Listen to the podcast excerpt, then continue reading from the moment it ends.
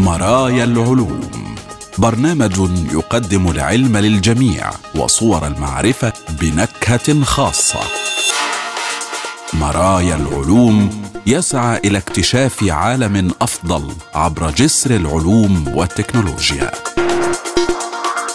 مرايا العلوم العلم كموضوعة رائجة نحو حياة أكثر فعالية واتساق أكبر مع الطبيعة.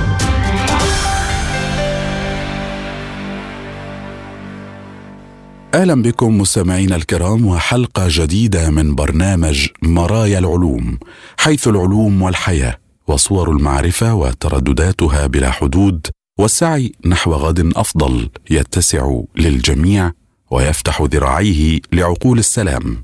معكم أحمد أحمد وفي هذه الحلقة.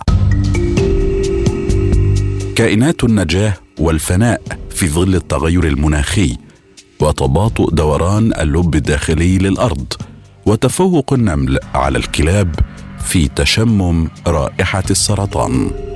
البداية نشرة العلوم.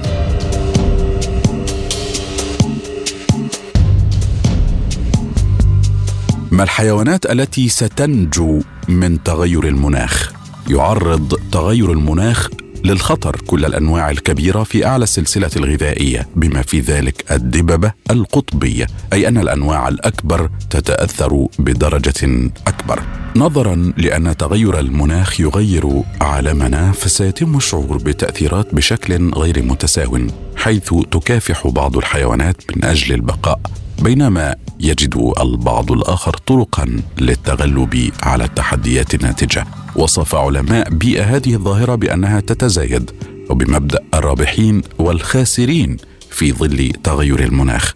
كما أجروا دراسه وجدت أنه في ظل سيناريو انبعاثات وسيطة فإننا سنخسر في المتوسط وفي جميع أنحاء العالم ما يقرب من 20% من التنوع البيولوجي للفقريات بحلول نهاية القرن. بينما في ظل سيناريو الاحترار الأسوأ ترتفع هذه الخسارة إلى نحو 30% اذا ما هي الحيوانات الرابحة وما مدى نجاحها حقا في ظل ارتفاع درجات الحرارة والجفاف وفقدان الموائل؟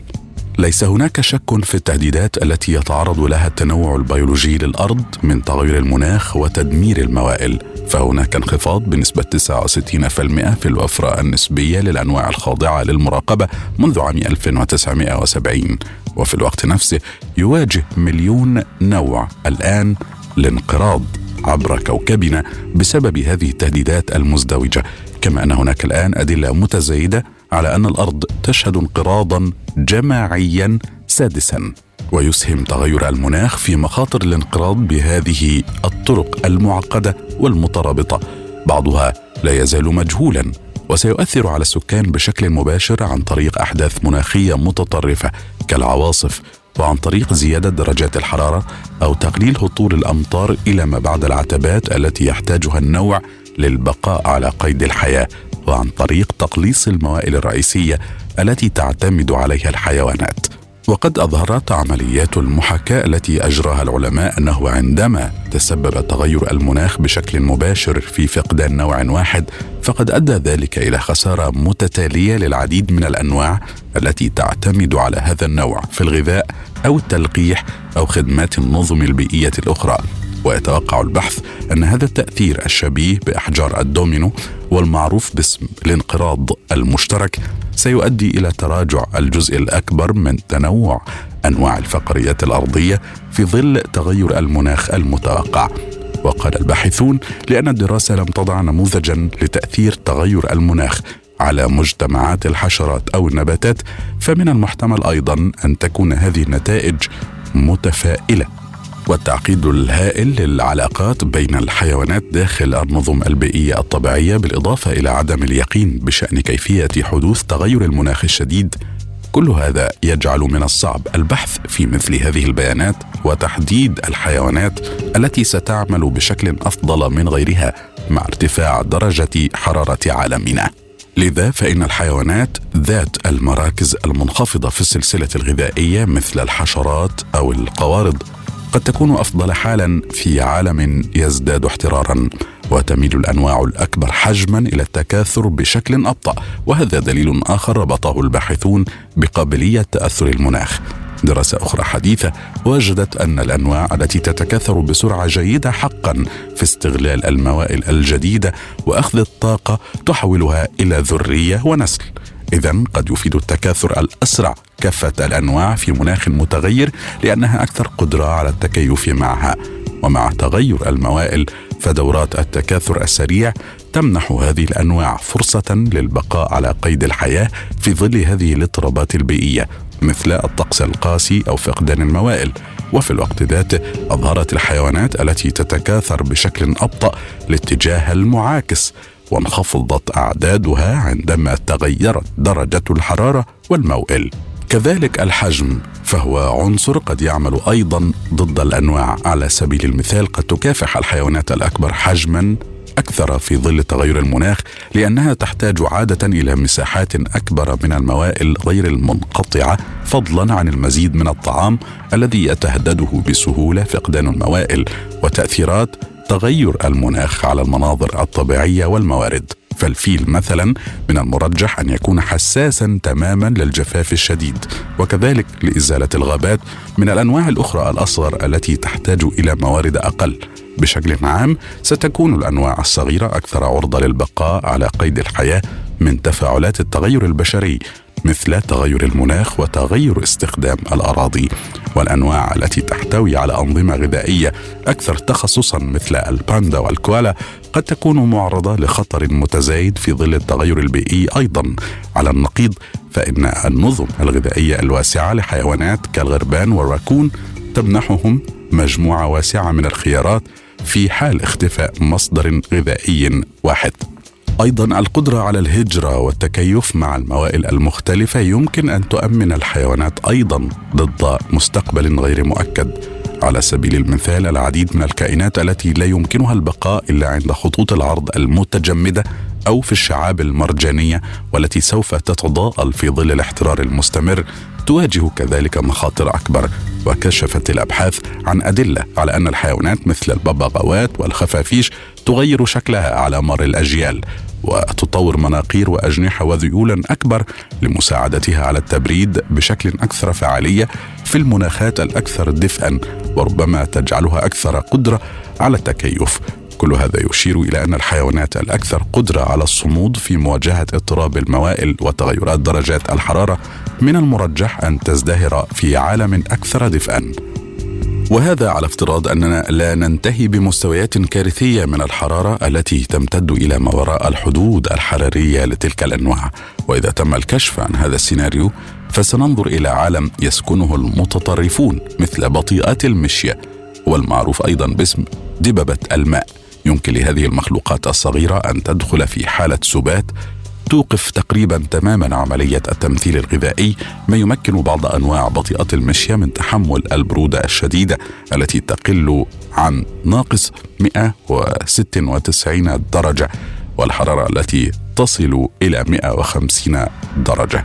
مع ذلك حتى أجسامهم التي تبدو غير قابلة للتدمير لها حدود أي أن بطيئة المشية هذه شديدة المقاومة من تلقاء نفسها لكنها تحتاج إلى الأنواع الأخرى للبقاء على قيد الحياة. وقال الباحثون إن هذا هو الخلل في فكرة الأنواع الباقية لأنها تفتقد الحاجة إلى وجود أنظمة بيئية كاملة وشبكتها من تفاعلات الأنواع المعقدة للحفاظ على الحياة على الأرض. اذا الحاجة تظهر في حماية النظم البيئية بأكملها وهذا يعني إبطاء الاحترار عن طريق الحد من استهلاك الوقود الأحفوري والحد من تدمير الموائل وتقليل التأثيرات البشرية الأخرى على الحياة البرية. ويؤكد الباحثون أنه ضمن التغير المناخي قد يكون هناك فائزون على المدى القصير لكن ما يهم هو النتيجه الكاملة والنهائية. كما أكد الباحثون أنه في ظل التغير المناخي الحاصل والمنتظر والمتوقع. سيكون هناك خاسرون أكثر بكثير من الرابحين حتى ينتهي تماما كل شيء بالكامل.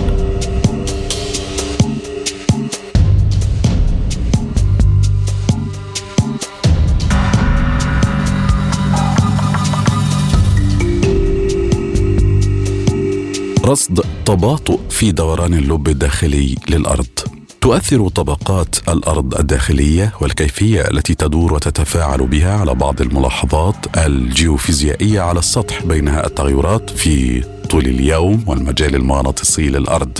فهل يتمكن العلماء من رصد وتيرة دورانها؟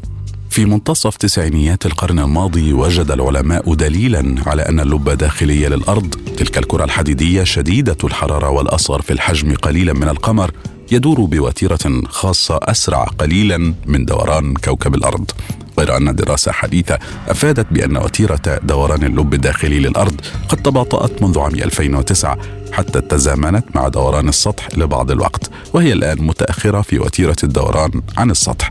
فعلى عمق ثلاثة ألاف ميل تحت سطح الأرض تطفو كرة ساخنة من الحديد الصلب وهو اللب الداخلي داخل قلب خارجي سائل هو اللب الخارجي.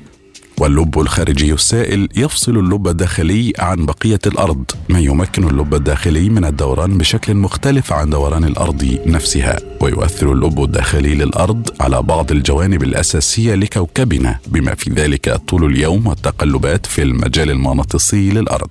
كما يعتقد الجيولوجيون أن الطاقة المنبعثة من اللب الداخلي تتسبب في تحرك السائل الموجود في اللب الخارجي وتولد تيارات كهربائية ينتج عنها بدورها حدوث مجال مغناطيسي يحيط بالكوكب ويحمي الكائنات الحيه الموجوده على السطح من أكثر الإشعاعات الكونية ضررا. ويؤثر المجال المغناطيسي المتولد في اللب الخارجي على دوران اللب الداخلي غير أن سرعة وتيره دوران اللب الداخلي للأرض كانتا محل نقاش علمي لسنوات. والزلازل يمكنها أن تولد موجات قوية بدرجة تكفي لاختراق اللب الداخلي وبالتالي يمكن أن توفر معلومات قيمة حول بنية اللب الداخلي وذلك امتدادا بطول المسارات التي يمكن لهذه الموجات الزلزالية أن تنتقل إليها. لذا قام العلماء في جامعة بكين بتحليل اختلافات الموجات الزلزالية التي مرت عبر اللب الداخلي للأرض منذ ستينيات القرن الماضي. واكتشف العلماء أن مسارات الموجات الزلزالية قد أظهرت تغيرا طفيفا منذ عام 2009 وذلك على النقيض مما كانت تظهره في السنوات الماضية التي تشير إلى وجود تباينات زمنية كبيرة. ما يفيد بأن دوران اللب الداخلي ربما توقف مؤقتا منذ عام 2009 غير أن هذا التباطؤ لم يكن الأول من نوعه في العصر الحديث بل إن اللب الداخلي الأرض شهد تباطؤا مماثلا في أوائل السبعينيات ويرى العلماء أن هذا التباطؤ الأخير في اللب الداخلي مرتبط بانعكاس الدوران إذ إن الكرة الحديدية الصلبة تنزلق في اتجاه معاكس كجزء من تذبذبات تكونت لمدة سبعة عقود. واستنتجوا أيضا أن هذا التذبذب في دوران اللب الداخلي للأرض بالتزامن مع التغيرات الدورية في نظام سطح الأرض يمكنه أن يفسر التفاعلات الحادثة بين طبقات الأرض المختلفة.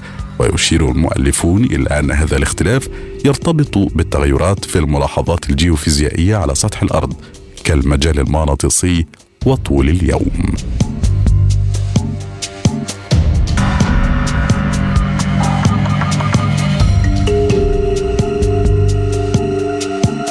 الشرارات الغامضة على الشمس يمكن أن تساعدنا في التنبؤ بالعواصف الشمسية.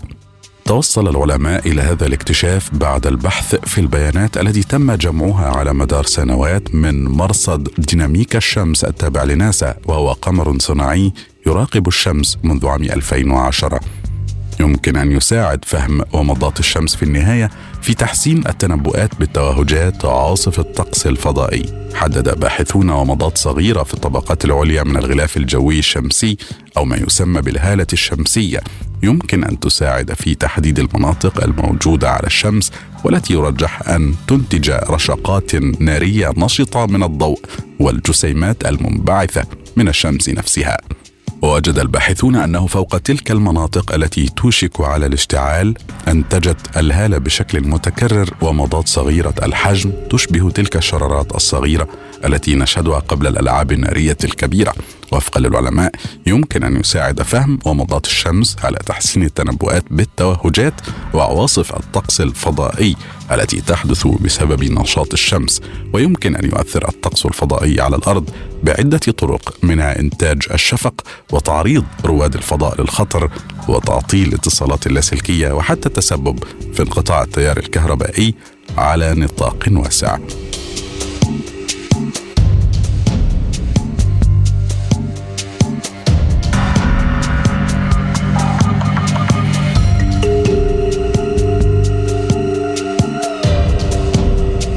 دراسة جديدة تحذر. غابات الأمازون المطيرة تتعرض لتهديدات غير مسبوقة. يقترح الباحثون إنشاء نظام مراقبة لرصد تدهور الغابات بالإضافة إلى الحد من قطع الأشجار غير القانوني والسيطرة على استخدام الحرائق. ما يقرب من ثلاثة ملايين كيلومتر مربع من غابات الأمازون تدهورت حاليا بسبب التدخلات البشرية. غابات الأمازون المطيرة تدهورت بدرجة أكبر بكثير مما كان يعتقد سابقا حيث تأثر أكثر من ثلث الغابات المتبقية بالبشر وفقا لدراسة جديدة. هذه النتائج. خلاصة مراجعة تحليلية للبيانات المنشورة في الدراسات السابقة ذات الصلة.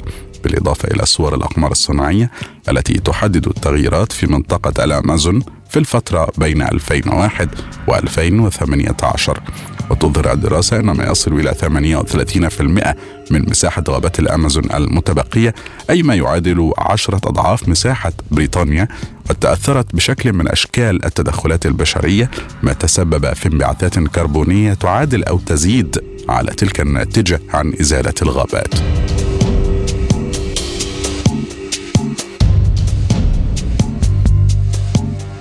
النملة بلا أنف لكن مستشعراتها تلتقط رائحة السرطان في البول.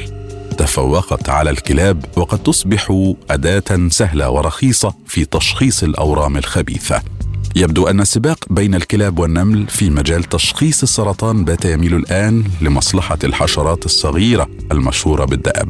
وجاء ذلك التفوق بفضل قدرة النمل على تشمم رائحة السرطان في البول وهو ما سجل سابقا في تجارب لدى الكلاب. وبعد تأخر نسبي خطى النمل بالفعل صوب التعادل مع الصديق الوفي المعروف للإنسان إذ تملك الحشرات الصغيرة المتعددة الأطراف ميزات أخرى قد تتكفل بتفوقه على الكلاب في مجال تشخيص السرطان من رائحته في البول. وتذكيرا ليس للنمل أنوف تشم بها لكنها تلتقط الروائح بفضل مستشعرات متخصصة في ذلك. والأرجح أن ذلك المسار من التقدم الدؤوب للنمل في تشخيص الأورام الخبيثة من رائحتها قد ابتدأ بعد نشر دراسة تؤكد أن النمل يتفوق على الكلاب في القدرة على تشمم رائحة السرطان وآنذاك تعلق الأمر برائحة الأورام الخبيثة في الخلايا البشرية. العلماء دربوا نملا من نوع فورميكا فوسكا على تشمم رائحة الأورام الخبيثة في الخلايا البشرية وقد أوضح الحدث أن النمل لم يستغرق سوى بضع ساعات من التدريب قبل أن يصبح متمرسا بالفعل في تشخيص إصابة خلايا بشرية بأورام خبيثة. مزايا النمل أنه متوافر ورخيص وسريع التعلم. بينما الكلاب التي سبق وأن سجل العلماء قدرتها على الإتيان بأمر مماثل الكلاب أغلى ثمنا وتتطلب تدريبا مكلفا يستغرق بضعة أسابيع كي تضحى قادرة على تشمم رائحة السرطان في الخلايا البشرية. وبصورة بديهية أشارت الدراسة إلى أن استخدام النمل في المختبرات الطبية لتشخيص السرطان عبر تشمم رائحة عينات البول قد يعطي الطب مقاربة رخيصة الثمن وعالية الجدوى في مجال تشخيص السرطان. البحث انصب على رائحة السرطان في البول وليس في الأنسجة التي تستزرع في المختبر ما يجعل الأسلوب النملي إذا جاز الوصف الجديد أكثر براعة وأدنى كلفة بما لا يقاس مما أنجزه العلماء في السابق.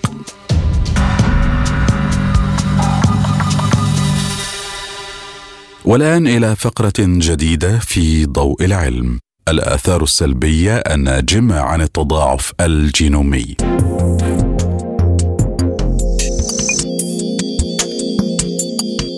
غالبا ما تكرر الخلايا السرطانية البشرية نسخ جينومها بطريق الخطأ في عملية انقسام الخلية. وقد يسفر هذا عن مزيد من الخلل الجينومي. وفي هذا الصدد أجرى فريق بحثي تحليلا تفصيليا لأول دورة للخلية بعد تكرار نسخ جينومها بهدف تسليط الضوء على هذه الظاهرة. عند فهم الكيفية التي تحدث بها الاختلالات الجينومية في الخلايا السرطانية فإن هذا قد يتيح طرقا جديدة لاكتشاف علاجات مضادة لمرض السرطان. وفي بحث نشر مؤخرا يقدم العلماء تحليلا للتأثيرات المترتبة على تضاعف الجينوم أو تكرار نسخه وهي عملية يمكن أن تفضي إلى تكون الأورام السرطانية. وتنشأ الأورام السرطانية عن طريق تغييرات جينومية تؤدي إلى اضطراب الآليات المعتادة التي تنظم التكاثر الخلوي وهو ما يسفر في نهاية المطاف عن تمكين الخلايا السرطانية من الانقسام والانتشار بالطريقة تخرج عن سيطرة الجسم. وتتباين هذه التغييرات في حجمها بدءا من التغييرات المحدودة التي تطرأ على تسلسل الحمض النووي وتعرف باسم الطفرات النقطية وصولا إلى التغييرات التي تحدث في عدد الكروموسومات الكاملة أو بنيتها وهو ما يعرف باختلال الصيغة الصبغية. وتشمل أيضا تكرار نسخ المحتوى الجيني الكامل للنواة في ظاهرة تسمى بتضاعف أو تكرار نسخ الجينوم بالكامل. ويشيع حدوث تضاعف الجينوم بالكامل ويسمى اختصارا WGD في أنواع شتى من الأورام السرطانية التي تصيب الإنسان إذ يمكن رصدها في قرابة 30% من الأورام.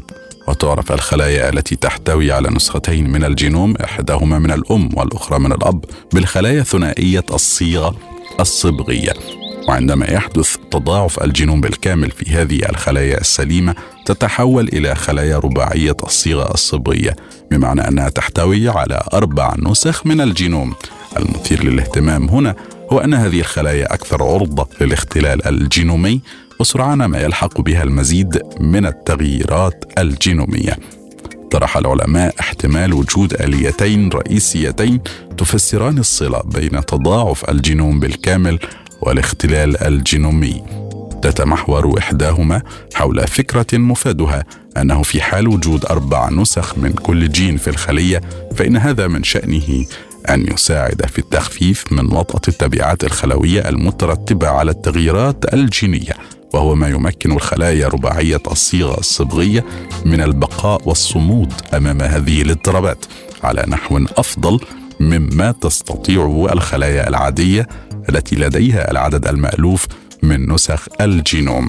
أما الآلية الثانية فتتلخص في أن الزيادة المفرطة في عدد الكروموسومات تؤدي إلى زيادة الأخطاء في توزيع الكروموسومات على الخليتين الناتجتين عن انقسام الخلية وهو ما يؤدي إلى تلف الحمض النووي وحدوث اضطرابات كروموسومية. بيد أن الفريق البحثي أوضح أن الخلايا رباعية الصيغة الصبغية تواجه خللا جينوميا حتى قبل أن يحدث الانقسام. درس الفريق البحثي النتائج المباشرة المترتبة على تضاعف الجينوم بالكامل مع التركيز على إحدى مراحل دورة الخلية التي تحدث قبل الانقسام وتعرف بالمرحلة البينية. تتألف المرحلة البينية من ثلاثة أطوار هي طور النمو الأول جي 1 وفيه تنمو الخلية وتستعد لمضاعفة أو تكرار نسخ الحمض النووي وطور التركيب S وفيه تضاعف الخلية مادتها الوراثية عن طريق مضاعفة الحمض النووي وطور النمو الثاني G2 وفيه تستعد الخلية للانقسام. وتنتهي دورة الخلية بمرحلة الانقسام الميتوزي حيث يحدث انقسام الخلية وينقسم محتواها الجيني إلى نصفين يتوزعان على اثنين من الخلايا الإبنة. استحث الفريق البحثي تضاعف الجينوم بالكامل في خلايا بشرية جرى استنباتها مخبريا ثم رصدوا ما يحدث في المرحلة البينية وقد اتبع الفريق طرقا مختلفة لتحفيز هذا التضاعف. وتمثل هذه الطرق الآليات الرئيسية الثلاث المعروف أن تضاعف الجينوم بالكامل يحدث من خلالها. ومن خلال التركيز على دراسة أول مرحلة بينية بعد تضاعف الجينوم بالكامل تمكن الفريق البحثي بالفعل من تجنب إحدى النتائج الشائعة التي تترتب على تضاعف الجينوم وتعرف باسم توقف دورة الخلية وهي تعيق في أغلب الأحيان إجراء تحليل للخلايا رباعية الصيغة الصبغية المتكونة حديثا. بعد ذلك رصد الفريق البحثي عدة اختلافات بين الخلايا رباعية الصيغة الصبغية والخلايا الثنائية الصيغة الصبغية وذلك عن طريق تقنية فحص مجهري للخلايا الحية تقوم على تصويرها في سلسلة من اللقطات المتتابعة زمنيا. وتجدر الإشارة إلى أنه أولا ارتفعت مستويات تلف الحمض النووي في الخلايا رباعية الصيغة الصبغية في أثناء المرحلة البينية الأولى. بعد تحفيز عملية تضاعف الجينوم بالكامل بغض النظر عن نوع الآلية التي استخدمت في تحفيز هذه العملية. ورصدت النتيجة نفسها في عدة أنواع من الخلايا البشرية كما رصدت عندما جرى استنبات الخلايا بتقنية الاستزراع ثلاثي الأبعاد. ثانيا كان الارتفاع في معدلات تلف الحمض النووي في الخلايا رباعية الصيغة الصبغية أكثر ارتباطا بطور التركيب وبعملية تضاعف الحمض النووي. وقد تبين هذا عبر تعطيل دورة الخلية كيميائيا وتقييم مستوى تلف الحمض النووي في كل خطوة من هذه الدورة. كما تبين أن معالجة الخلايا رباعية الصيغة الصبغية بعقاقير تعمل على تثبيط نسخ الحمض النووي تؤدي إلى نقص ملحوظ في العلامات الدالة على تلف الحمض النووي. وثالثا عندما أجرى الباحثون عملية تعيين تسلسل الحمض النووي على مستوى خلايا مفردة لاحظوا وجود بنى كروموسوميه غير طبيعية تعرف باسم الأنماط الكروموسومية وذلك في الخلايا رباعية الصيغة الصبغية بعد طور واحد من أطوار التركيب قبل حتى أن يبدأ الانقسام الميتوزي. وتدل هذه الاكتشافات على أن تضاعف الجينوم يلحق ضررا بالحمض النووي وهذا الضرر يرتبط بعملية نسخ الحمض النووي. وأحد التفسيرات المعقولة للكيفية التي يتلف بها الحمض النووي ما يطلق عليه إجهاد النسخ الجيني وهو حالة يقصد بها تعطل نسخ الحمض النووي في أثناء طور التركيب نتيجة صعوبات تواجهها الخلية. وعندما حفز الباحثون هذا الإجهاد كيميائيا في الخلايا ثنائيه الصيغه الصبغية أدى ذلك إلى حدوث تلف في الحمض النووي بمستويات مشابهة لمستويات التلف التي رصدوها بعد تضاعف الجينوم. والواقع أن البروتينات المرتبطة بتلف الحمض النووي وجدت متجاورة في أنوية الخلايا رباعية الصيغة الصبغية مع البروتينات المرتبطة بالنسخ النشط للحمض النووي ما يشير إلى وجود علاقة بين العمليتين. وقد استعان الفريق بتقنية تعرف باسم تمشيط الحمض النووي. تتيح له وضع تصور لعملية نسخ الحمض النووي وقياس معدلاتها. ووجد أفراد الفريق أن الخلايا رباعية الصيغة الصبغية فشلت في إنتاج مواقع نسخ جيني بالقدر الذي يكفي لنسخ المحتوى الجينومي. وأشاروا إلى أن هذا الفشل أفضى إلى سير نسخ الحمض النووي بوتيرة سريعة ومضطربة. وتبين الدراسة التي أجراها الفريق البحثي أن الاختلال الجينومي والكروموسومي الذي يميز الخلايا رباعية الصيغة الصبغية يمكن أن يحدث قبل حتى أن تنقسم الخلية. وتعزى الأورام السرطانية بالدرجة الأولى إلى التطور المستمر لخلايا يحدث فيها تراكم لتغيرات جينية. لكنها يمكن أن تنجم أيضا عن تطورات مفاجئة يطلق لها العنان بسبب أحداث كارثية كبرى في الخلية. إلى هنا مستمعينا الكرام نكون قد وصلنا وإياكم إلى خاتمة هذه الحلقة من برنامجكم مرايا العلوم وعلى وعد بلقاء جديد. ساعدت كل أوقاتكم كونوا دائما بخير. إلى اللقاء.